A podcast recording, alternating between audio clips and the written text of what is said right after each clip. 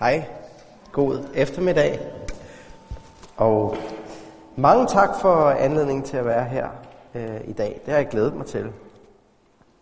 Og øh, ja, jeg har sådan et par minder med Christoffer, og det, det er nogle meget gode minder, faktisk.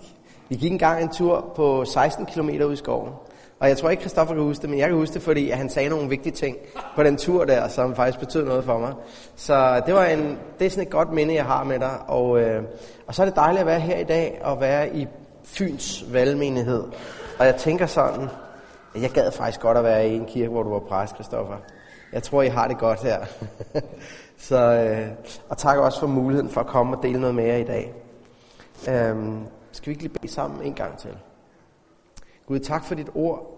Tak, at det ikke bare er et gammelt ord, der talte engang. Tak, at det er et levende ord, der taler nu. Lige nu, Herre, hvor vi er samlet i Jesu navn. Og at vi må have ører, der kan høre, hvad Helligånden siger, og at dit ord må skabe i vores liv i Jesu navn. Amen. Amen. Ja, men jeg vil gerne starte med at læse så for jer, og øh, det var den her salme, som jeg fik på hjerte, da jeg vidste, at jeg skulle sige noget her i eftermiddag. Det er salmernes bog, kapitel 2, vi skal læse sammen. Og øh, jeg synes, det var en pragtfuld lovsang, og det går rigtig godt i tråd med det, som vi også skal læse nu. Så øh, jeg vil godt have, at I bruger jeres fantasi lidt. Vi er nu lige pludselig tilbage i det gamle testamentets tid. Og vi er til en kroningsceremoni i Jerusalem, hvor at Israels folk, de skal indsætte en ny konge. Og øh, kongen, han øh, skal krones, det bliver han ind i templet, så der er selvfølgelig en masse festivitas, så bliver han lidt ind i templet. Og der i templet, der øh, bliver der lagt hænder på ham, og han bliver salvet med olie. Og øh, Helligånden kommer over ham. Guds nærvær er der i templet, så han oplever faktisk et Guds nærvær. Og så bruger de den her salme. Og så er hele forsamlingen er med til at bede den her salme øh, for den nye konge og for deres land. Og de siger sådan her. Hvorfor er folkeslagene i oprør? Hvorfor lægger folkene planer, der ikke kan lykkes? Jordens konger rejser sig. Fyrsterne slår sig sammen mod Herren og mod hans salvede. Og så siger hele Israel, vi kan forestille os, det var bøndelederen, der lige sagde det her. Så siger hele Israel, lad os sprænge deres lænker og befri os fra deres ræb. Og videre. Han, som troner i himlen, ler, han spotter dem. Så taler han til dem i sin vrede og forfærder dem med sin arme. Så siger Gud, jeg har indsat min konge på Sion, mit hellige bjerg. Og nu taler kongen. Jeg vil forkynde, hvad Herren har bestemt. Han sagde til mig, du er min søn, jeg har født dig i dag. På din bøn giver jeg dig folkene som ejendom, og den hvide jord som afløjet. Du skal knuse dem med et jernsæbt og sønderslå dem som pottemagerens kar. I konger, siger bønlederen. Vær nu kloge, tag imod råd i jordens dommer, tjen Herren i frygt, kys hans fødder i rejsel, ellers bliver han vred og I går til grunde, for hans vrede blusser hurtigt op. Lykkelig vær den, der søger tilflugt hos ham. Og menigheden sagde, Amen. Øh, den her salme, synes jeg, er så inspirerende. Jeg kan godt forestille mig, hvis man tænker sådan lidt på, hvad Israel var for en nation. For i virkeligheden, så var det jo en, en ret lille nation, og en lidt skrøbelig nation, af, øhm, af et folk, som, øh, som øh, ikke måske følte sig særlig sikker i, i verden. En lille nation, der var omgivet af rigtig mange øh, store og mægtige folk, som faktisk var fjendtligt indstillet over for dem. Og derfor øh, kan man godt forestille sig, at der er sådan en vis ængstelse, når de tænker fremad. Og hver gang man sådan mister holdepunktet, som er kongen og lederen, så står man i det der limbo. Hvad sker der nu? Og, øh, og, og her der bliver salmen jo et udtryk for, at øh, hvorfor at Israel kan føle sig trygge. Fordi salmen siger jo jo, at i et lille folk, og, og fyrsterne omkring jer rejser sig, og jordens konger rejser sig imod jer, og der er en masse trusler omkring jeres, i, i, i jeres situation. Og så er der den her konge, som bare er en, en almindelig menneskelig svag konge. Men ved I hvad? Midt i det her uoverskuelige kaos af trusler, som omgiver jer, så kan I finde tryghed. Fordi sandheden er, at det er ikke ham der, der er jeres konge. Sandheden er, at I skal løfte jeres blik op, fordi det er i virkeligheden mig, himmels og jordens skaber, den almægtige Gud. Jeg er Israels konge. Og derfor tænker jeg, at den her salme, den er vigtig for os i dag. Den var faktisk meget vigtig for de første kristne. Kan I huske, de bad den her salme i øh, Apostlenes Gerninger under forfølgelsen? Måske kan du huske det. Og så kom Gud og rystede stedet, hvor de var forsamlet. Og Hebræerbrevet for eksempel er, er skrevet over den her salme. Det var meget vigtigt for den første lille kirke, i alt den skrøbelighed og usikkerhed, at løfte blikket og sige, wow, vi har en konge, som har magt. Og derfor så kan vi være trygge, og vi kan gå fremad, og vi kan finde retning. Og jeg tænker også, at vi nogle gange har brug for det. Jeg har brug for det nogle gange. Vi ser på os selv, og vi kan godt føle os meget svage og skrøbelige som kirke. Og vi kan også gøre det i vores personlige livsverden. Der er rigtig meget frygt. Jeg rejser en del i Europa. Jeg møder både de kristne, men så kan vi jo alle sammen følge med i nyhederne. Der er rigtig meget frygt i vores tid. Der er rigtig meget usikkerhed. Der er også rigtig meget, vi taler om politikerlede, men det er vel også bare en bedrøvelse. Og vi ser på vores ledere, og så tænker vi, ham der Trump, hvad well, verden sker der for dem derovre, ikke? Eller men selv Merkel, eller Tusk, eller hvem vi nu kan pege på. Macron, Macronen der. Og vi ser på alle de her mennesker, Lars Lykke, altså, og det er jo øh, på en eller anden måde ikke så tillidsvækkende, at vi tænker, det, det er der vores tryghed er, det er der svaret er. Øhm, og så ser vi de her enorme problemer i vores verden, øh, og specielt migrationen og de mange flygtninge, der kommer. Det er sådan nogle ting, der gør, at rigtig mange mennesker helt eksistentielt føler sig frygtsomme, usikre på fremtiden. Og der har vi brug for at løfte vores blik og se, at ved hvad, det er ikke, det er ikke Trump, der er verdenshåb. vi har sunget om det her i dag, men der er en, der siger, jeg sidder på tronen. Jeg har magten. Frygt ikke, du lille hjort, sagde Jesus til sine disciple. Ej, det har jeg nogle gange brug for at høre. Der er en, der sidder på tronen. Der er en, som er konge. Og øhm, det kan også bare være i helt, vores helt personlige liv. Nogle gange kan det være vildt uoverskueligt at være menneske. Øh, og gå på studie og tænke, hvad er det, jeg skal? Hvad skal jeg bruge det her til? Hvor er jeg på vej hen? Eller være børnefamilie. Gør jeg det nu godt nok? Og det kan være rigtig uoverskueligt og kaotisk at være menneske. Og der er rigtig mange, der vil fortælle os, hvad vi skal. På YouTube og i damebladet og i kirken. Og er det ikke rigtigt? Det kan være uoverskueligt at være menneske, og så har vi brug for at løfte vores blik og se, at der er en, der har fuldstændig kontrol. Og derfor kan vi faktisk være trygge, og vi kan finde en retning. Så det er mit budskab til jer i dag, at, øh, at Gud vil være vores tryghed midt i en uoverskuelig verden. Øh, men så vil jeg godt sige lidt, lidt mere om, bare lige lukke salmen lidt op for os. Øh, der er tre ting, jeg ser i den her salme det er sådan en god prædiken, så har den lige tre punkter. Ikke? der er tre ting, jeg ser i den her salme, som kan gøre os trygge. Og det første er, øh, som ligesom, ligesom hvis vi forestiller os, det, det er os, der er kongen, eller vi Israel i den her indsættelse. Vi er menneskene. Hvad er det, Gud han siger til os? Det første er, at vi kan være trygge, fordi at Gud han minder os om den identitet, som han har givet os. Øhm, det er meget stærkt, det der står her at øh, når kongen er blevet indsat, når helgeren kommer over ham, så taler Gud, og det er kongen der selv, der forkynder det. Han, han forkynder, hvad Gud har sagt til ham. Gud siger sådan, til, sådan her til kongen, du er min søn, og jeg har født dig i dag.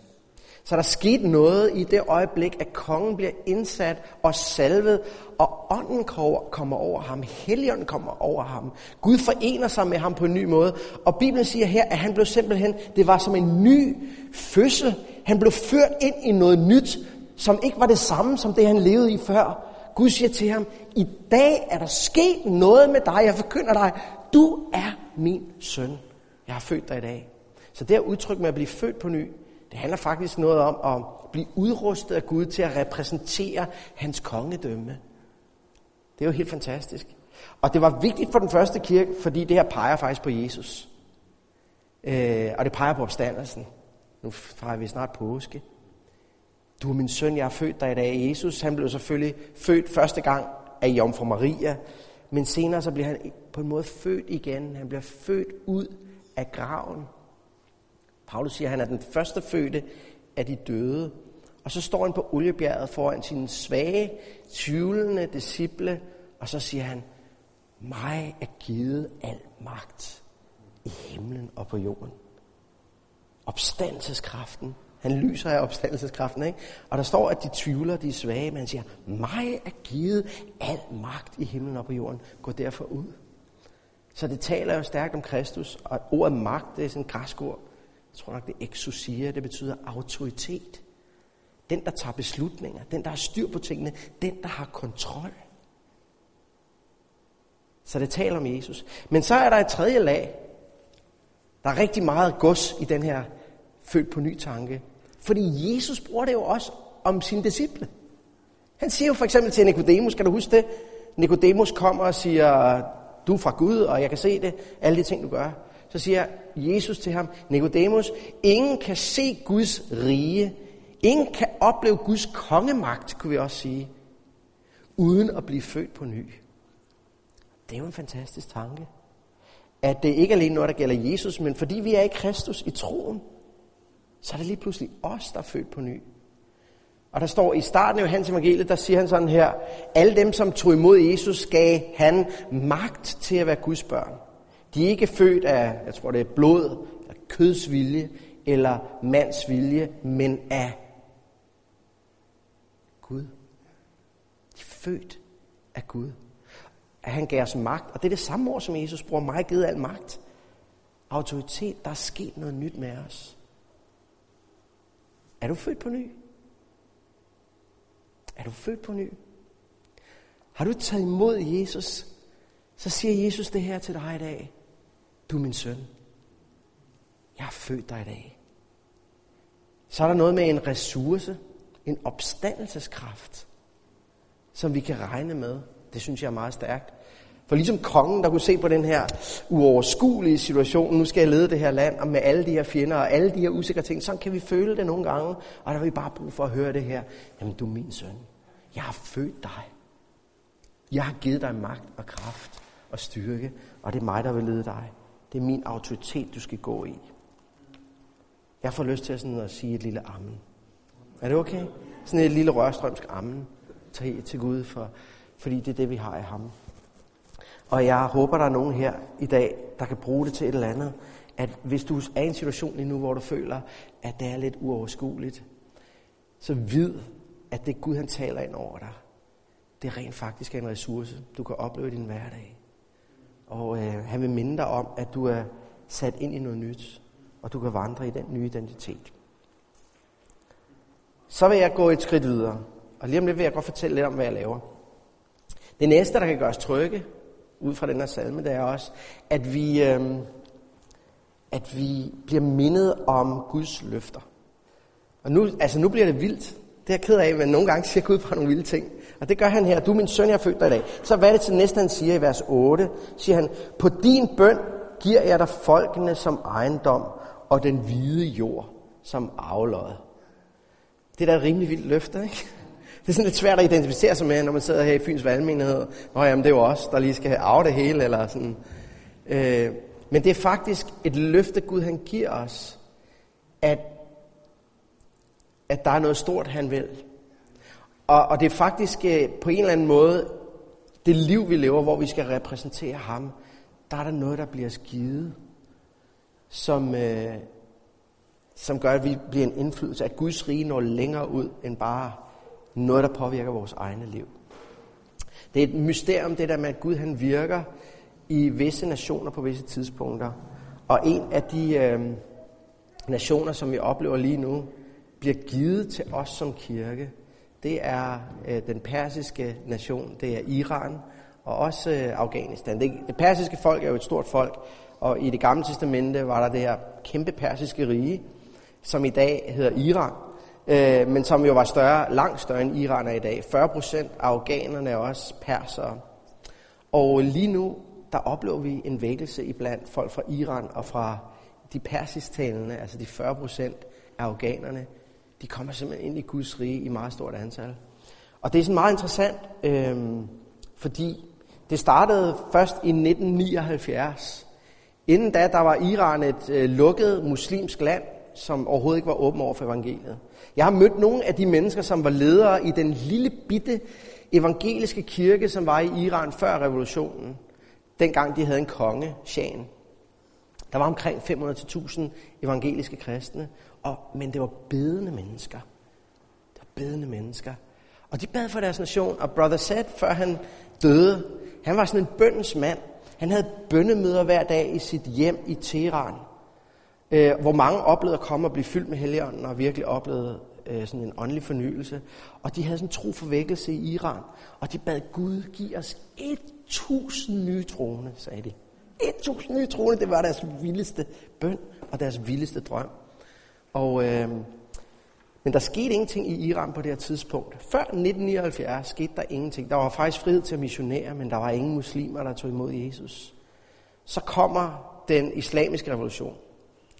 Ayatollah Khomeini smider kongen på porten og etablerer præstestyret. Og Iran er stadigvæk det eneste muslimske land i verden, der rent faktisk ikke har en sekulær regering. Så de er direkte styret af muslimske præster.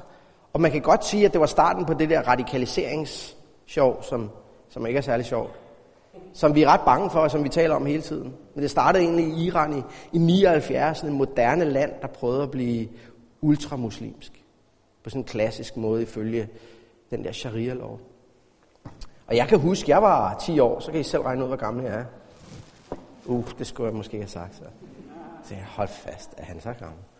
Men, øh, Jamen, men jeg, kan huske, øh, jeg kan huske det der fjernsynsprogrammerne, hvor at, øh, masser af sortklædte mennesker stod og råbte og forbandede Vesten.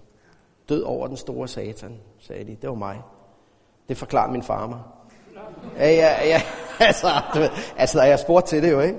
Og jeg kan bare huske, selv jeg var 10 år, jeg fattede ikke sådan detaljerne. Jeg tænkte bare, åh, åh, det her, det virker altså ikke så godt.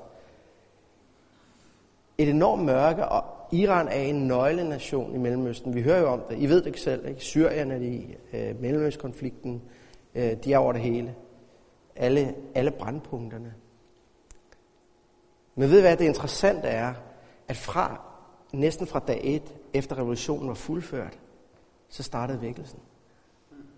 Det er altså virkelighed. Og det er noget mærkeligt noget. Jeg har jo kun hørt de folk, der gennemlevede det her. Men Gud brugte det. Meget hurtigt kom der et enormt mørke ind over nationen. Og en, faktisk en skuffelse, en desperation, et undertrykkelse. Og det iranske folk begyndte at råbe til Gud ud af den her nød. Råbe til Gud for at finde ham på en ny måde. Og så begyndte der en bølge af åbenbaringer, hvor Jesus begyndte at virke. Og mennesker begyndte at få syner af Jesus, åbenbaringer af Jesus, og folk begyndte at omvende sig i meget stort antal. Og ved du hvad, det er faktisk vokset og vokset lige siden. I dag i Iran ved vi ikke, om der er...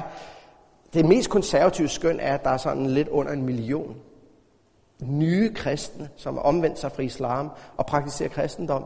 Og nogen siger, at det er 5 millioner. Jeg ved det ikke. Vi kan ikke måle det. Men vi ved, at det sker over hele landet. Øhm, og Gud gør nogle mægtige ting. Og det er faktisk ikke noget, vi sådan har sagt, vi skal lige vinde 10-40 vinduet, så sender vi nogle missionærer. Det er Jesus selv. Det er noget, han giver til os. Og jeg tror, det er et svar på Brother Sets bønder. Øhm, jeg vil fortælle en lille historie om Sara, som øh, jeg mødte som flygtning. Hun er afghaner, og hun var i en af vores øh, discipleskabskurser i Tyskland og jeg spurgte hende om, hvordan hun blev en kristen. Sara, hun, hun var så, øh, når hun sad der på bænken og lyttede til undervisningen, hver gang man sagde Jesus, så var det sådan, uh, så kunne man se, så lyste hendes ansigt op. Man kunne bare se, at hun var forelsket i Jesus. Og jeg spurgte hende om, hvordan hun blev en kristen, og hun øh, fortalte mig, at, øh, at hun har siddet ude i sin landsby i Afghanistan og været rigtig godt træt af Gud. Hun havde et svært liv, og hun sad inde i sit, øh, inde på sit, i sit hus en dag, og så skældte hun Gud ud, og så sagde hun, Gud, ved du hvad, nu har jeg troet på dig hele mit liv. Jeg har bedt til dig hele mit liv. Jeg har søgt dig hele mit liv. Du har aldrig nogensinde vist mig, at du har omsorg for mig. At du vil mig noget. Og så sagde hun sådan til Gud, Gud, hvis ikke du griber ind i mit liv, hvis ikke du viser mig, at du har omsorg for mig, så kan det være lige meget. Så er det slut. Så sad hun faktisk og skældte Gud ud. Og så fortæller hun mig, at mens hun sidder sådan og beder, så oplever hun pludselig, at der sker et eller andet i rummet. Der var et nærvær, der kom ind. Noget, hun ikke havde oplevet før. Og hun vidste, det var Gud. Altså hun vidste, at der var noget på færre. Og så pludselig hører hun en stemme, som taler om bag fra hende. Og stemmen siger meget enkelt til hende, Sara, kom og følg mig. Og hun siger til mig, da jeg hørte den stemme, der vidste jeg, at det var Jesus Kristus, der talte til mig. Jeg kunne ikke rigtig forstå, hvorfor, men det må være noget åndeligt jo. Hun siger, I så jeg mig sige. Det var Jesus, der kaldte på mig. Og lige der i huset, der vælger hun at overgive sit liv til Jesus. Hun oplever bare, at Gud svarer på hendes bøn. Jesus kalder på hende, og hun overgiver sig. Hun er klar over, at hun er blevet en kristen. Det kommer ud af det blå, hun er klar over, at hun har mødt Jesus. Og hun, øh, og hun siger, at alting forandrer sig, kende. Jeg begyndte at få svar på mine bønder. Jeg oplevede, at Jesus var med mig. At Jesus, han ville mig. Og, øh, og hun kunne ikke skjule sin tro på Jesus. Så sker der det, at øh, hendes onkel finder ud af det, mændene i byen finder ud af det, og øh, det går rigtig galt. De tager Sara til fange, og de øh, straffer hende, de mishandler hende og slår hende så voldsomt, at de faktisk er sikre på, at hun vil dø af det. De slæber hende igennem landsbyen, og de smider hende ned i en brønd, en, en tørlagt brønd, men en brønd, hun ikke kan komme op af, en dyb brønd. Og øh, hun ligger der, og de efterlader hende der, faktisk for, at hun skal bløde ihjel. Og hun er der, hun sagde til mig, jeg ved ikke, hvor længe jeg lå der. Måske et par døgn, jeg var inde og ude af bevidsthed. Jeg kan ikke huske det hele. Efter øh, et par døgn, mener hun, der kommer hendes mand ud om natten og hjælper hende op af brønden. Og det er jo meget farligt for ham, men øh, han har selvfølgelig omsorg. Han skjuler hende, han plejer hende øh, og hjælper hende på fod igen. Og så siger han sådan her til hende, når hun er blevet stærk igen. Sara, du kan ikke blive her i Afghanistan. Det er alt for farligt for dig. Øh, du er nødt til at flygte, og du er nødt til at tage til Iran. Jeg ved, dit største ønske det er at finde en bibel. Hun har ikke nogen bibel. Jeg har aldrig læst i Bibelen før. Jeg ved, dit største ønske det er at finde en bibel. Du må tage til Iran og finde en bibel. Og han hjælper hende afsted, hvor hun flygter til Iran. Det siger meget om Afghanistan, at man flygter til Iran. For de fleste prøver at flygte derfra. Ikke? Men øh, der er mange afghanske flygtninge, der først tager til Iran. Og en lang historie kort, hun kommer til Iran, og hun kommer til Teheran, og derinde i par, en park i Teheran, der møder hun en af vores evangelister, som giver hende noget. Det har jeg taget med her, så I kan se det. Det er sådan et her nyt testamente. Og Sara, hun har fået, for for det første gang, Guds ord i sin hånd, og øh, begynder at lære Jesus at kende som skriften til Jesus. Og en lang historie kort senere flygter hun, kommer til Tyskland, og der er hun en del af vores bibeltræning, og jeg lærer hende at kende. Og jeg sidder og lytter til den her historie, og den gør enormt dybt indtryk på mig selvfølgelig. Øh, og jeg kan se arne på hendes arme, jeg kan se, at hun bærer den der lidelseshistorie rent fysisk. Og så siger hun sådan her til mig, Kenneth, jeg har lidt rigtig meget, efter jeg blev en kristen. Men så siger hun, ved du hvad, det har været det hele værd. Det har været det hele værd, siger hun. Fordi, siger hun, Jesus har hele tiden været der. Selv da jeg lå på bunden af den her brønd, der oplevede jeg Jesu nærvær. Kenneth, jeg ved, at han virkelig har omsorg for mig. Han virkelig er der for mig. Og så siger hun, jeg, ønsker, jeg vil bare sådan ønske, at alle andre afghanere, som kommer her til Tyskland, de kan lære Jesus at kende på samme måde, som jeg har lært ham at kende. Wow. Det var sådan en stærk oplevelse af, trods lidelse, så virker Gud. Gud virker i Iran, Gud virker i Afghanistan, kirken vokser, og det store behov, det er discipleskab. Og jeg vil godt lige kort sige noget om Bibelen, fordi en af Elam Ministries hovedopgaver har været at oversætte Bibelen til persisk. Det har vi brugt næsten 20 år på, sammen med Wycliffe fra græsk og hebraisk. Øh, og i 2015 blev vi endelig færdige med det gamle testamente. Og så smuler vi bibler ind, og vi spreder bibler i Europa. De sidste år har vi spredt ud over, øh, over 100.000 nye testamenter. Vores vision er, at hver eneste persisktalende flygtning skal have Guds ord, det nye testamente, på deres eget modersmål lagt i hænderne. De har kun læst Koranen på arabisk, og tænker, hvorfor kan Gud kun tale arabisk? Og så får de det på deres eget smukke persiske sprog, med al den poesi, der er i sproget, som der også findes i ordet. Og rigtig mange kommer til tro bare ved at læse. Jeg har desværre ikke tid til at fortælle jer nogle af de historier. Rigtig mange kommer til tro bare ved at læse om det, som Jesus han gør. Vores, øh, vores øh, evangelister i Tyrkiet deler Nytestamenter ud. Der er masser af iranske turister, der kommer til Tyrkiet. Og øh, så vi har en del af vores discipleskabstræning og lederskabstræning foregår i Tyrkiet. Vi inviterer kirkeledere ud fra de her skjulte undergrundskirker, træner dem og sender dem tilbage. Men vi har også en akkumulering af folk, der er flygtet permanent, som er i Tyrkiet. Og derfor, de begyndte jo at evangelisere, så var vi nødt til at plante kirker. Nu har vi 47 kirker i øh, Tyrkiet, som alle sammen er konvertitter. Den største er over 800 mennesker, 800 medlemmer. Alle sammen tidligere muslimer, der var priser Gud og elsker Jesus og læser Guds ord og vokser i deres tro. Det er virkelig rørende at være en del af. Og så har vi evangelister, der går ud, så alle de iranske turister kan få det nye testamente. De siger, at 8 ud af 10 tager med glæde imod det nye testamente. Nogle af dem med tårer i deres øjne. Øh, nogle af dem siger, nej, jeg har let efter det her. Det er faktisk en populær bog. Den første, jeg mødte i Hamburg til en af vores konferencer med vores europæiske team, øh, da jeg fortalte om det her, en iraner, han kom op, og så hæv han den her bog ud af hånden på mig efter prædiken, så sagde han, ved du godt, den her er et mirakel, sagde han. Og jeg vidste ikke sådan helt, hvad jeg skulle sige, det, det ved jeg jo på en måde godt. Så siger han, jo, siger han, i otte år har jeg smuglet de her nye testamenter fra det nordlige Iran ned til min by i Karaj. Og om morgenen gik, stod vi op tidligt, mig og min ven, og så gik vi ud og delte nye testamenter ud. Det er en meget populær bog i Karaj, og der er hundredvis, der kommer til tro på Jesus på grund af den her bog. Så en morgen, så ventede politiet på ham og fængslede ham, og nu var han i Hamburg. Jeg var så glad for at møde mig, han kyssede mig. De er meget sådan, de kan godt lide at røre ved en og kysse og sådan. De er meget fysiske. Og så kyssede han mig og tog nogle billeder og så videre, som man gør. Og det sidste han sagde, det er, Kenneth, har du ikke en kasse nye testamenter, som jeg må tage med hen på flygtningelejren i Hamburg og dele ud? 8 ud af 10 tager imod det med glæde. En af vores evangelister fortalte mig en anden dag, at der var en, der havde, da han havde tilbudt Bibelen, så havde konen sagt, det var et ægtepar, havde konen sagt, nej, nej, nej, nej, sagde hun. Så sagde han til hende, øh, Masud, hvorfor vil du ikke have det? Det er en gave, det er helt gratis. Nej, sagde hun. For alle dem, jeg kender, der har taget imod den der bog, de er endt med at blive kristne. Det er virkelig rigtigt. Det er ikke, det er ikke et eller andet eventyr. Det er vækkelse. Det er noget, Gud gør.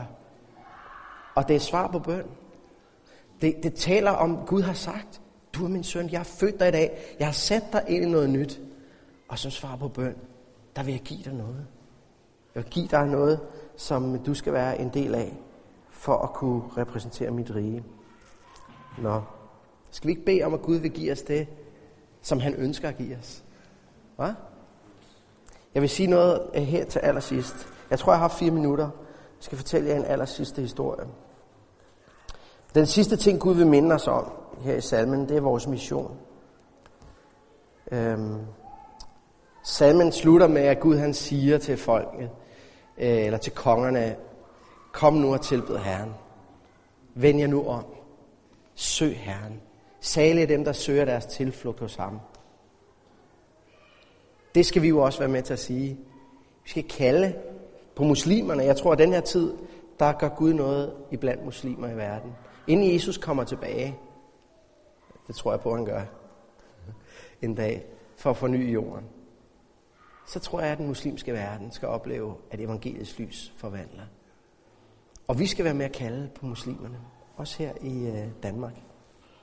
Særligt af dem, der søger tilflugt hos ham. Så i 2016, så fik jeg det tilbud, eller den opfordring, Kenneth, kunne du ikke tænke dig at lede Elams arbejde i Europa og hjælpe kirker med at række ud til de her flygtninge, der er kommet fra Iran og Afghanistan. Og så tænkte jeg, kan jeg det? Jeg tænkte, det er egentlig mærkeligt. Hvorfor, altså, jeg, jeg er jo hverken iraner, jeg kan ikke persisk, og, men jeg arbejder lidt med det lokalt. Så jeg sagde ja til det, og så øh, sagde jeg til lederne af Elam, hvad, hvad, i, hvad, hvad i verden skal jeg gøre? Så siger David til mig, det er sådan en meget iransk måde at sige det på, han siger, Ken, du skal bare begynde at rejse i Europa, så skal Gud nok lede dig. altså, det, var, det er helt realistisk, sådan han sagde til mig. Og jeg måtte i øvrigt, sagde han, få 100.000 bibler til uddeling. Og dem, vi har lige lavet et nyt optryk, fordi det er jo så næsten nået til nu. Men du skal selv samle pengene ind. Det er cirka 4 millioner. Og det var sådan meget, mange ting, der blev væltet, jeg væltede ind over mig, og jeg har aldrig prøvet det før. Jeg tænkte, det, det går jo, altså det bliver spændende det her. Men jeg er nødt til bare ligesom at, han har jo forstand på det. Så tænker jeg, hvor kan jeg tage hen? Jeg kan tage til Østrig, der kender jeg nogle præster. Og øh, de arbejder ikke med iranere, men øh, Jeg kender dem, der er noget med noget strudel og nogle ting, som jeg aldrig har smagt. Lad os prøve det. Så jeg tog jo til, øh, til Østrig og bestilte en billet. Og lige før jeg skulle afsted, så hører jeg, øh, så får jeg, hører jeg om, at der er nogen, der har bestilt en masse nye testamenter. Jeg ringer til vores kontor og spørger, hvor er de bestilt hen til i Europa? Jo, jo, det er til øh, Østrig, til Wien. Jeg får kontakten og skyber. og frem på min skærm, der toner en øh, stor brasiliansk dame. På skærmen sådan en meget levende og øh, dynamisk kvinde, og øh, hun fortæller mig om øh, hendes historie. Det er altså en ret fantastisk historie. Hun er så en brasiliansk operasanger, der er taget til Wien for at synge opera. Der blev hun forelsket i en sådan lille tynd, øh, meget hvid øh, østrisk mand. Han hedder Gottfried. Og, og de der to, de bliver forelskede, de er begge to kristne, de bliver gift, så kalder Gud dem til at øh, tale med farsit, eller række ud til farsitalene. Og hun fortæller mig, og hun er, har fået vores nye testamenter før, og siger, det er fantastisk, hvad Gud gør. Vil du ikke komme og holde et bibelstudie på onsdag, når du er her? Så det ender med onsdag, at jeg sætter mig i en bil og kører ud i et industrikvarter. Står ud af bilen, og så kan jeg høre meget, meget høj musik. I virkeligheden var det sådan lidt stille lovsang. Normalt, men det var sådan en meget funky version, som jeg aldrig har hørt før. Sådan meget øh, 80'er-agtig med sådan en funk bass og sådan noget. Og så kommer jeg ind i en gammel, nedlagt fabriksbygning, der bare er pakfyldt med iranere og afghanere, der står med løftede hænder og tilbeder Jesus. Og deroppe på scenen, der står der 10 musikere og spiller fuldstændig ukoordineret.